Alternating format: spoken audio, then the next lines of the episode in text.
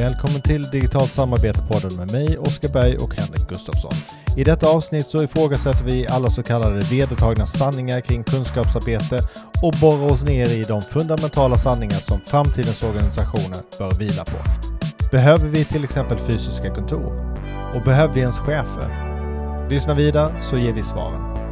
Återigen, välkommen!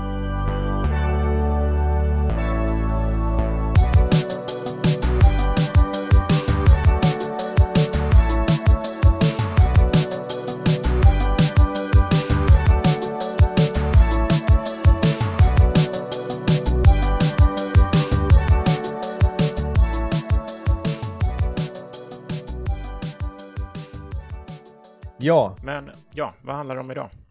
Jo, det här med First Principle. Det har vi ju pratat om faktiskt, eh, bland annat i avsnittet om hybridarbetet i Sverige våren 2023 så kom vi in på det här lite oplanerat flera gånger. Vad är det för, liksom, vad är de fundamentala sanningarna när man ska eh, bygga en organisation idag? Det är ju väldigt lätt att eh, med ny teknik så eh, kryddar vi lite det vi har eller liksom sockrar vi lite det vi har så att vi gör det lite snabbare, bättre, billigare kanske. Men det som det här handlar om är ju, kan vi vända på det här helt och hållet? Kan vi kasta gamla sanningar över bord och eh, lyckas göra på ett sätt som är mycket bättre för eh, både medarbetare och kunder och andra som, eh, ja, när de ska utföra sina arbeten? Jag tänker, föreställer mig nästan som ett legobygge man har byggt på och, och sen så kan man ju förbättra det och byta ut delar. Men vad händer om man raserar allting och börjar på en ny platta? Hur skulle man då tänka? Ofta så tänker man kanske på ett nytt sätt för att man har erfarenheten sedan tidigare om hur man byggde. Och man kommer säkert inte bygga på samma sätt som man gjorde innan. Men nu finns det också andra förutsättningar. Alltså det är kanske andra byggklossar överhuvudtaget. För att komma tillbaka till det som väckte min tanke i alla fall kring det här, det var ju ett inlägg på Twitter av grundaren och vdn för Doist. Alltså företaget som bland annat har tjänster som Todoist och, och Twist. Jag använder själv inte Twist, men jag använder Todoist. Eh, och frågan som han ställde var hur en modern organisation skulle se ut om den byggde på de första principerna, eller first principles som vi kommer in på strax. Då. Han lyfter fram tre viktiga principer när man bygger en ny organisation idag och även som de använder när de bygger Doist. Och den första är remote first, att tanken att anställa de bästa personerna oavsett var de bor.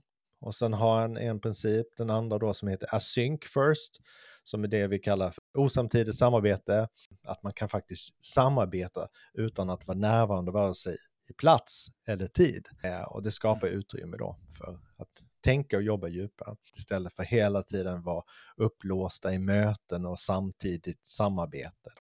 Och den tredje principen det är AI first. Att alla på företaget utnyttjar AI. Alltså teknik, marknadsföring, support och så vidare. Och att, man att de inte bara tänker på hur de ska få in AI i sin produkt utan hur, hur bedriver de sin verksamhet? Så han tänker att om, om man börjar med ett vitt papper, eh, börjar från början och tänker igenom hur man startar en verksamhet eller utvecklar den och, och, och, och leder den så kan vi göra det på ett helt annat sätt än den här traditionella hierarkiska chefsledda eh, organisationen som vi haft tidigare med väldigt mycket manuellt arbete. Ja, och mycket handlar om hur man samarbetar i hans eh, förslag, alltså hur vi som människor samarbetar och hur vi använder våra förmågor. Och sen var det ju någon som också kommenterade det här och det var ju flera som kommenterade det här Twitter-inlägget förstås, men det var någon som lade till Cloud First som ytterligare en strategi. Och man skulle kunna säga att den är underförstådd då med den här Remote First, att, att man lagar information och ja, kommer åt verktyg och annat via molnet då. Samtidigt så, så är det, jag tycker det är ett ganska bra exempel, för det är ju ett av de här sakerna som har förändrat väldigt mycket kring hur företag tänker kring sin IT idag skulle man börja ett företag idag så skulle de flesta kanske inte börja installera saker på egna servrar. Det är väldigt intressant det här. Eh, kanske för att eh, vi kommer från det hållet vi gör, där vi själva är lite av eh, småföretagare kan man säga och se hur vi kan få större muskler, hur man kan eh, eh faktiskt konkurrera med dem som är mycket större genom att eh, vara lite smartare. Inte bara då som du var inne på inledningsvis, jobba effektivare med ny teknik utan verkligen se vad är det som gör att vi kan göra det här på ett radikalt eh, annorlunda sätt. Och jag tyckte vi var inne på en, en intressant grej hur vi ska se på det här, eh, vad AI egentligen bidrar med just nu. Att vi ganska snabbt kan ta fram 80% av ett resultat inom områden där vi inte är experter, och grafisk design eller något speciellt eh, ämnesområde. Men vi kommer väldigt långt väldigt snabbt för att vi börjar lära oss hur vi ska så att säga, viska till AI-motorerna på rätt sätt så att de ger oss det vi vill ha. Och, och det mm.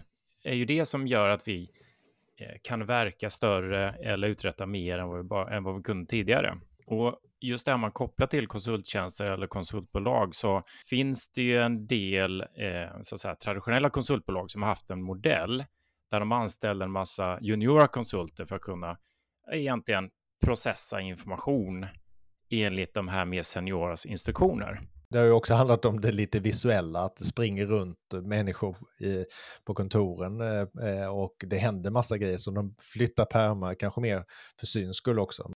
Exakt, och de har tagit betalt per person som du är inne på, per nedlagd tid snarare än vad som har tillfört något värde. Då.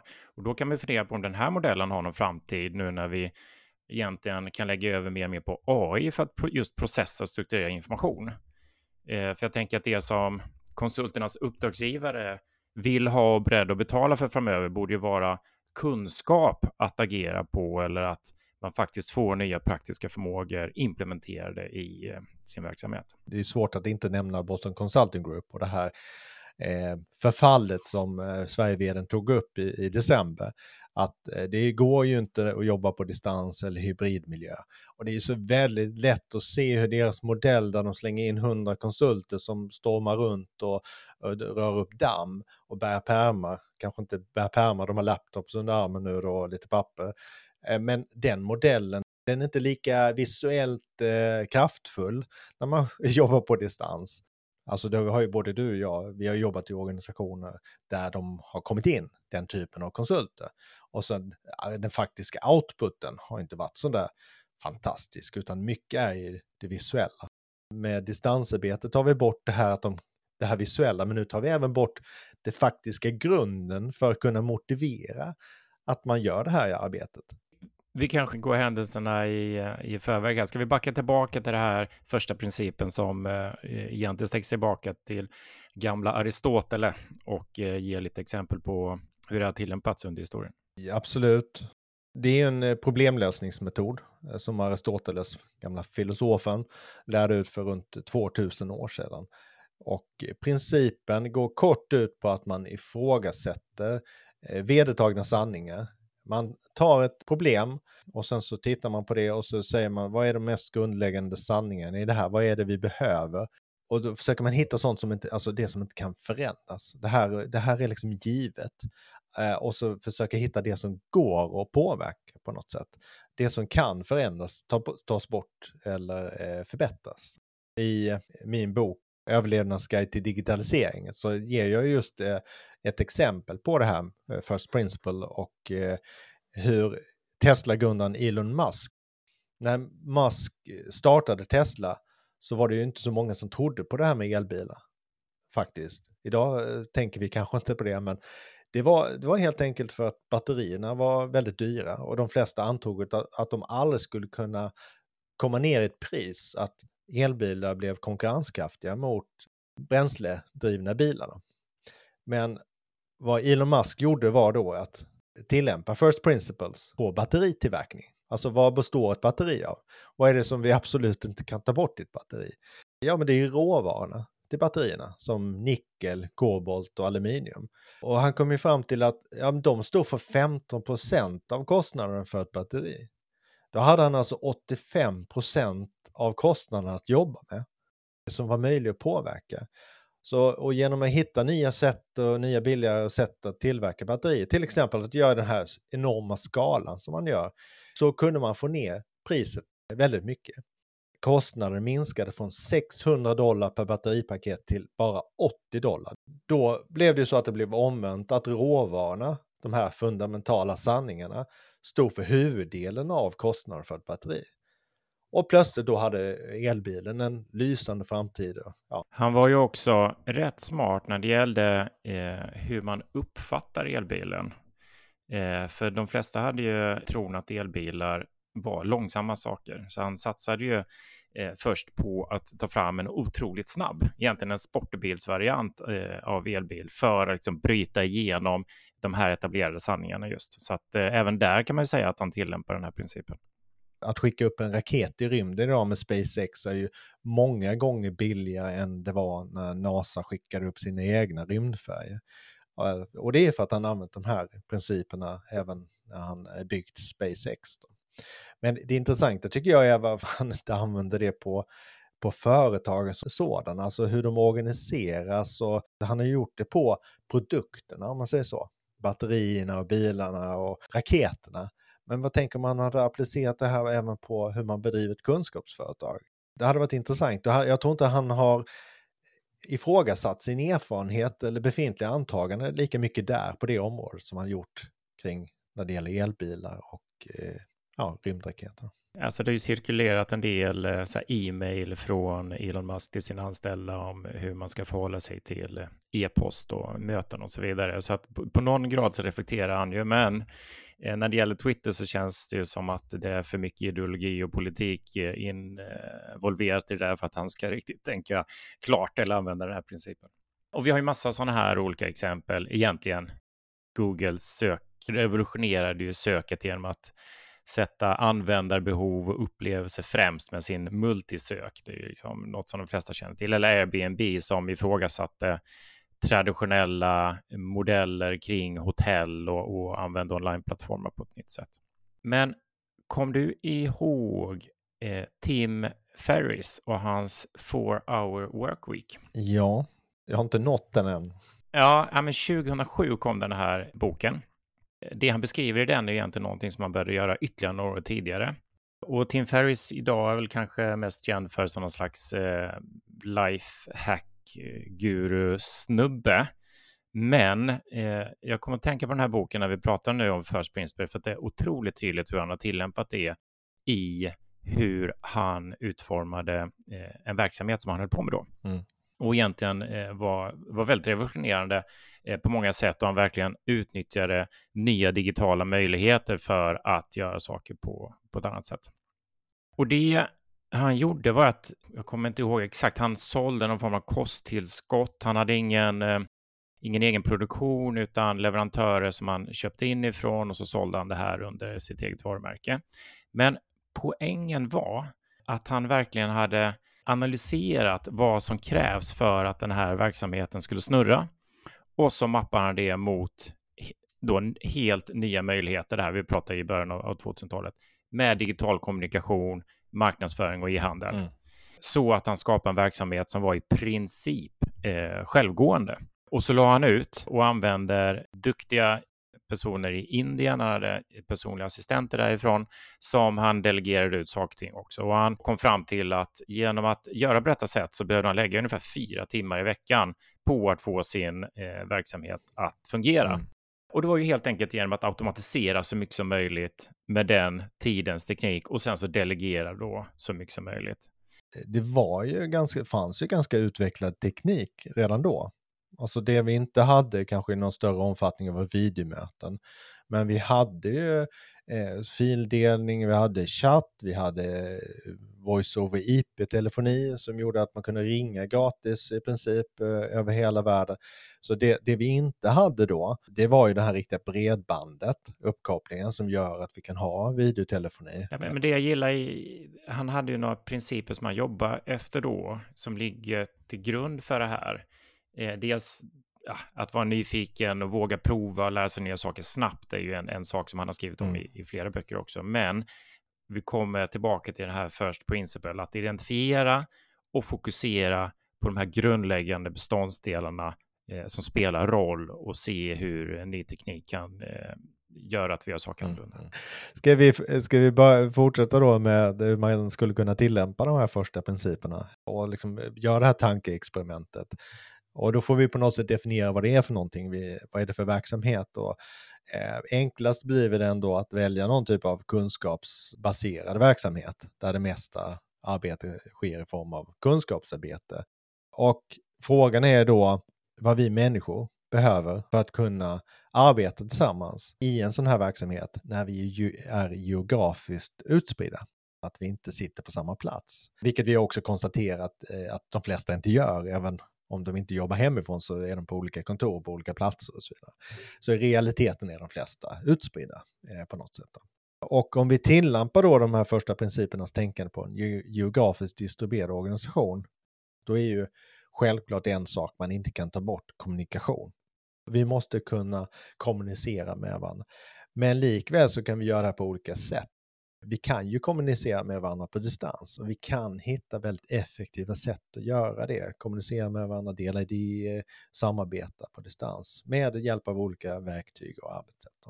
Så att vi kan inte ta bort den här beståndsdelen, men vi kan definitivt eh, förbättra den. Det handlar ju om, som vi varit inne på i tidigare avsnitt och vi skriver om det i boken också, den här upplevelsen av att, av att vara nära, att det är det som är det viktiga.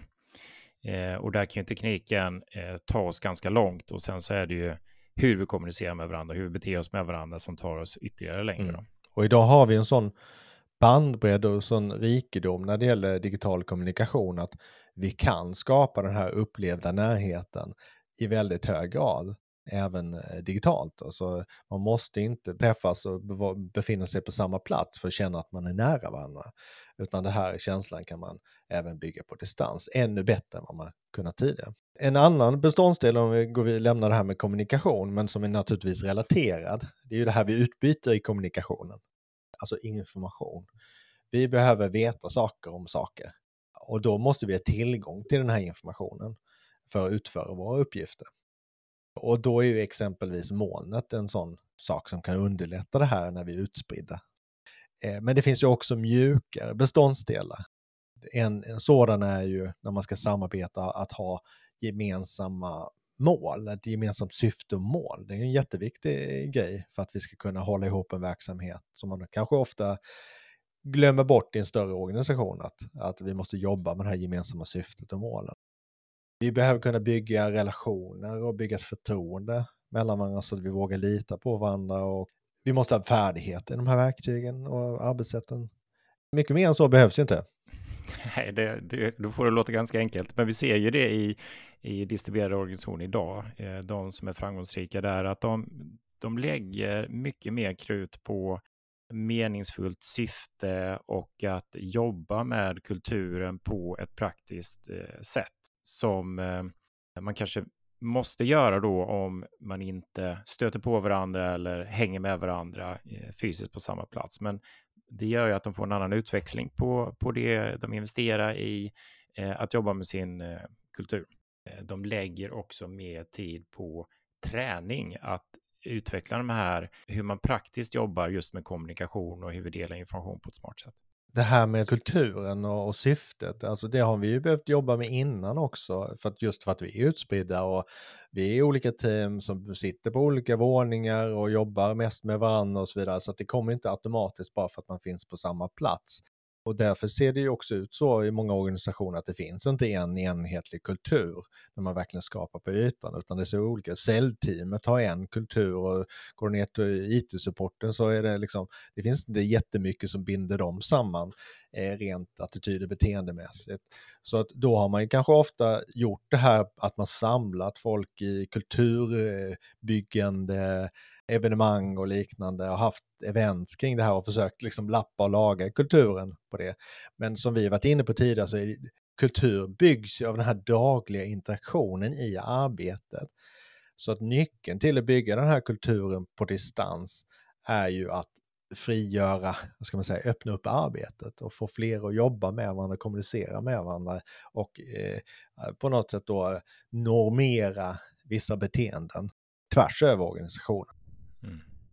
När man då börjar organisera en verksamhet på ett annat sätt än vad man gjort tidigare, det är ju då man börjar tänka igenom vad är det som är viktigt egentligen för att det här eh, ska fungera. Vad är kultur egentligen? Och eh, ta sig an det på ett annat sätt. Mm. Behöver vi ha fysiska kontor då? Det beror ju på, eh, som vi brukar säga. Det beror ju på, hade vi börjat med det här exemplet med, eh, alltså du kanske inte pratar om kontor i sig, men vissa har ju sådana arbetsuppgifter som, eh, alltså platsberoende arbetsuppgifter av olika skäl. Så att de måste sitta på samma plats och, och så vidare. Men det blir ju svårare och svårare att hitta dem. Pratar vi om kunskapsarbete så är ju väldigt mycket platsoberoende. Det är möjligt att man behöver ett kontor för att kunna träffa kunder där, men då även Även de kan man träffa digitalt eller ska man träffas på andra platser. Man måste inte ha det här kontoret. Så det beror på eh, och så det beror på vilka preferenser man har. Men vi kan ändå säga att det inte är en av de här centrala beståndsdelarna i ett kunskapsföretag generellt sett. Det är inte, den, det är inte en fundamental sanning. Och det var det ju kanske tidigare när kommunikationen inte gick att sköta digitalt. Men i och med att den går att sköta digitalt så är det kommunikationen som naturligtvis en kvarvarande byggsten, beståndsdel, men inte exempelvis ett kontor. Det är egentligen samma princip för den digitala arbetsplatsen som för den fysiska arbetsplatsen. Vi behöver ju såklart någonstans eh, att vara när vi uträttar vårt arbete, även om det handlar om kunskapsarbete. Men som du säger, det behöver ju inte eh, innebära att vi har en fast plats i form av ett traditionellt kontor, eh, utan vi har ju andra möjligheter då att hyra eller prenumerera på tjänster snarare än att, att äga och sköta om produkter. Och det gäller ju inte bara arbetsplatser utan eh, infrastruktur som vi behöver för att kommunicera, samarbeta och dela information som datorer och servrar och mobiltelefoner och programvaror och så där.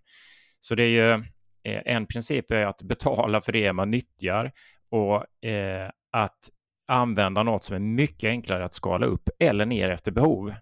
För det blir ju ofta då eh, billigare och mer flexibelt och, och skalbart eh, och man får ju tillgång till den senaste kinken och så det här, vi kommer ändå tillbaka till det här, de här grundläggande sanningarna. Det handlar ju om att använda sina resurser på bästa möjliga sätt.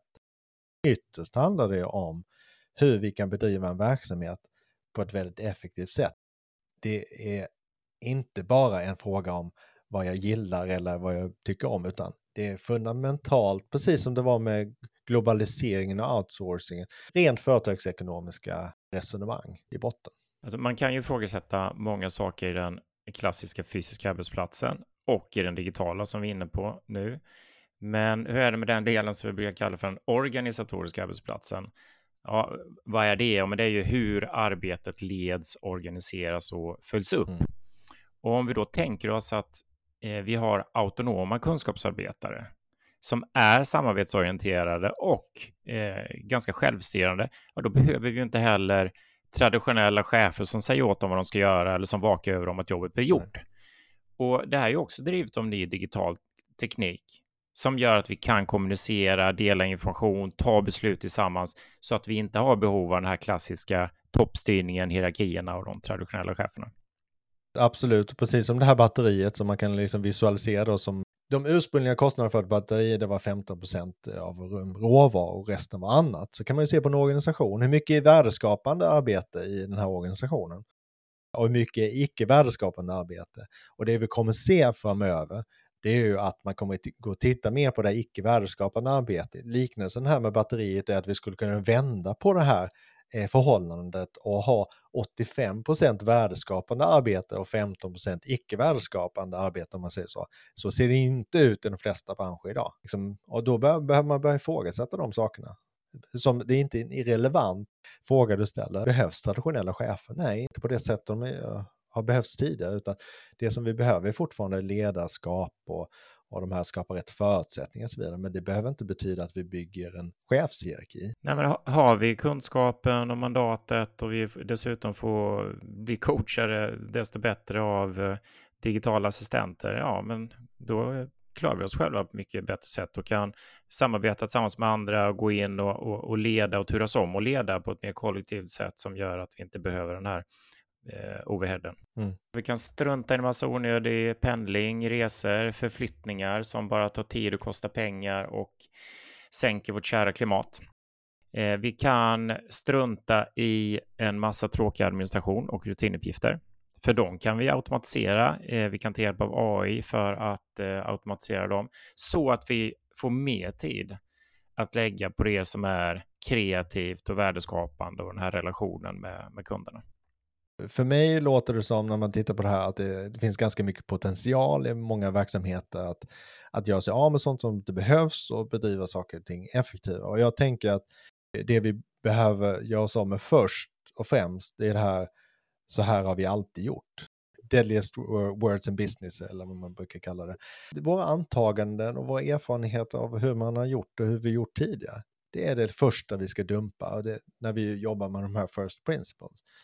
Vi ska liksom parkera dem och så börja med ett vitt papper och så ska vi titta med nytt, nya ögon på vad vi verkligen behöver och inte behöver utifrån det mål vi vill uppnå och de möjligheter som finns. Och det här är ju såklart svårare om man är en organisation som är formad utifrån ett tidigare paradigm eller synsätt eller sätt att jobba med teknik.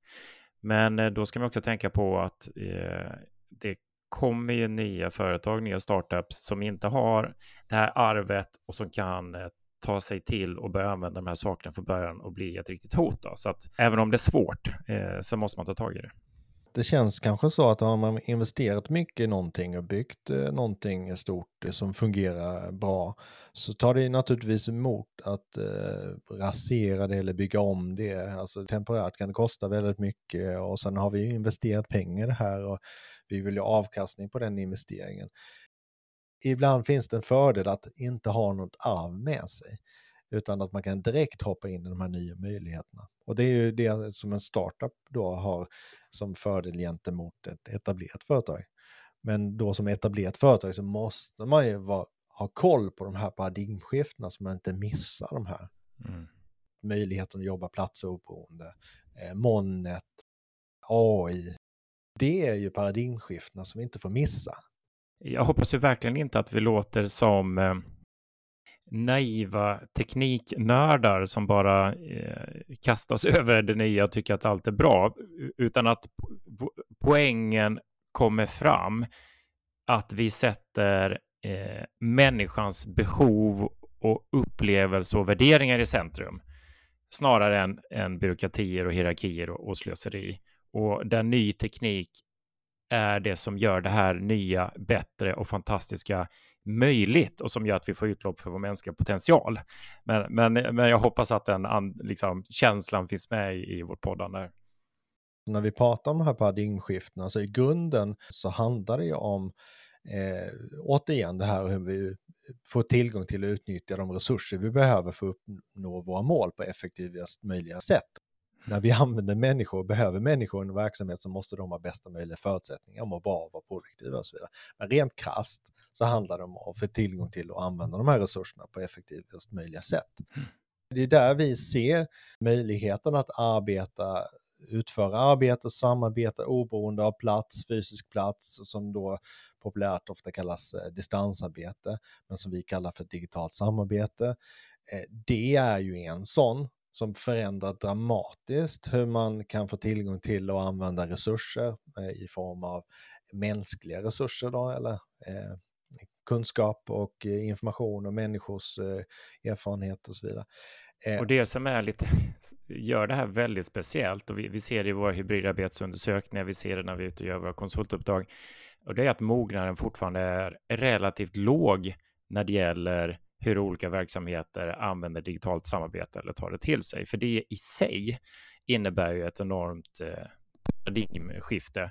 Men innan vi har tagit till oss allt det där och infört det och jobbat igenom det så kommer AI som är revolutionerande i sig eh, samtidigt eh, som ny möjlighet här. Då. Och det är ju otroligt speciellt. Innan har väl liksom teknikvård kommit lite mer dyker upp, eh, det finns fas då man börjar experimentera med det, man tar till sig det, inför det och sen kommer nästa. Men nu sker det alltså flera sådana här skiften samtidigt. Ja, strukturomvandling kommer bli ännu hårdare än vad vi har upplevt tidigare. Ja, men det är verkligen något som påverkar oss på alla nivåer, på individnivå, hur vi jobbar i grupper, organisationer, branscher, eh, samhällen. Eh, och det är ju lätt att bli väldigt stressad över detta, eh, kan jag tänka. Och hur ska vi förhålla oss till det här egentligen? Ja, men vi nämnde ju eh, Tim Ferris principer som exempel. Eh, det här med att vara nyfiken och våga pröva och, och lära sig och lära sig nya saker och så här. Men jag tänker det kopplat till att försöka se helhet och ifrågasätta de här etablerade sanningarna, jobba med de här grundläggande beståndsdelarna måste vara eh, oerhört viktigt för att inte eh, gå vilse liksom, i den snabba förändringen. Och det finns en annan princip eh, som, är, som är snarlik, som heter first things first, som självhjälpsgurun Stephen Covey var inne på. Eh, och, och, han menar ju att vi kanske inte ska gå vilse i allt det som känns bråttom, utan utgår vi från first principle, försöker hitta de här viktigaste sakerna att jobba med och att vi följer en mer långsiktig kompass, liksom en nordstjärna som vi siktar mot i det här lite stormiga havet, det är då vi kan lägga tid på det som är, verkligen är meningsfullt och värdeskapande på sikt och inte mm. som är vi inne på snubbla runt i, i eh, det som skjuts mot oss just nu och vi inte ser, eh, ja, eh, kan skilja träden från skogen och så vidare. Utmaningen där är ju att ofta det är alltså att man applicerar de här sakerna på, liksom, ja, jag har de här fem sakerna jag ska göra, vilken är viktigast, vilken ska jag göra först? Alltså väldigt vad-fokuserat. Samtidigt som vi producerar så måste vi också kanske prioritera upp huret och kanske stoppa vadet helt och hållet ett tag. Där ligger en stor del av problematiken att väldigt många organisationer, de flesta organisationer naturligtvis är eh, fokuserade på output och produktion och eh, då inte ha det slack eller den utrymme eller våga ta det utrymme som krävs för att tänka om och, och jobba med huret. Det är ändå vi som måste göra förändring, vi människor.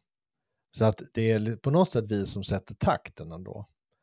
Precis, vi kan uträtta mer eh, och få fler förmågor med hjälp av den här förstärkta intelligensen som du är inne på.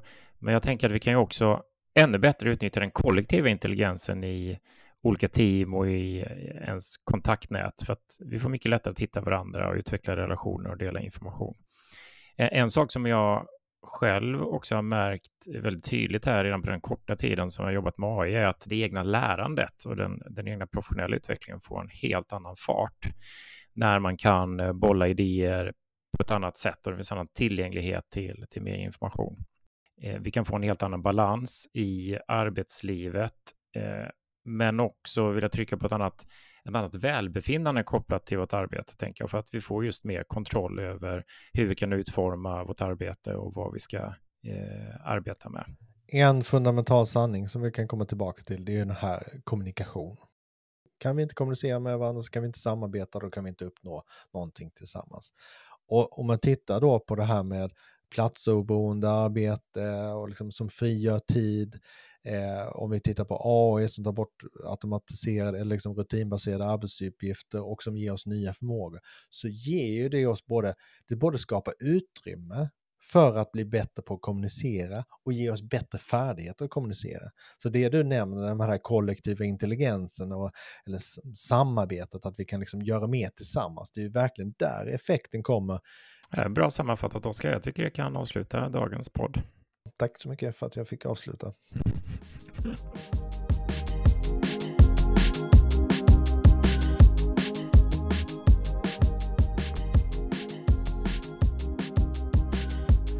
Då så lämnar vi säkert tillfället det här med första principerna eller first principles som det heter på engelska bakom oss och blickar framåt mot nästa avsnitt.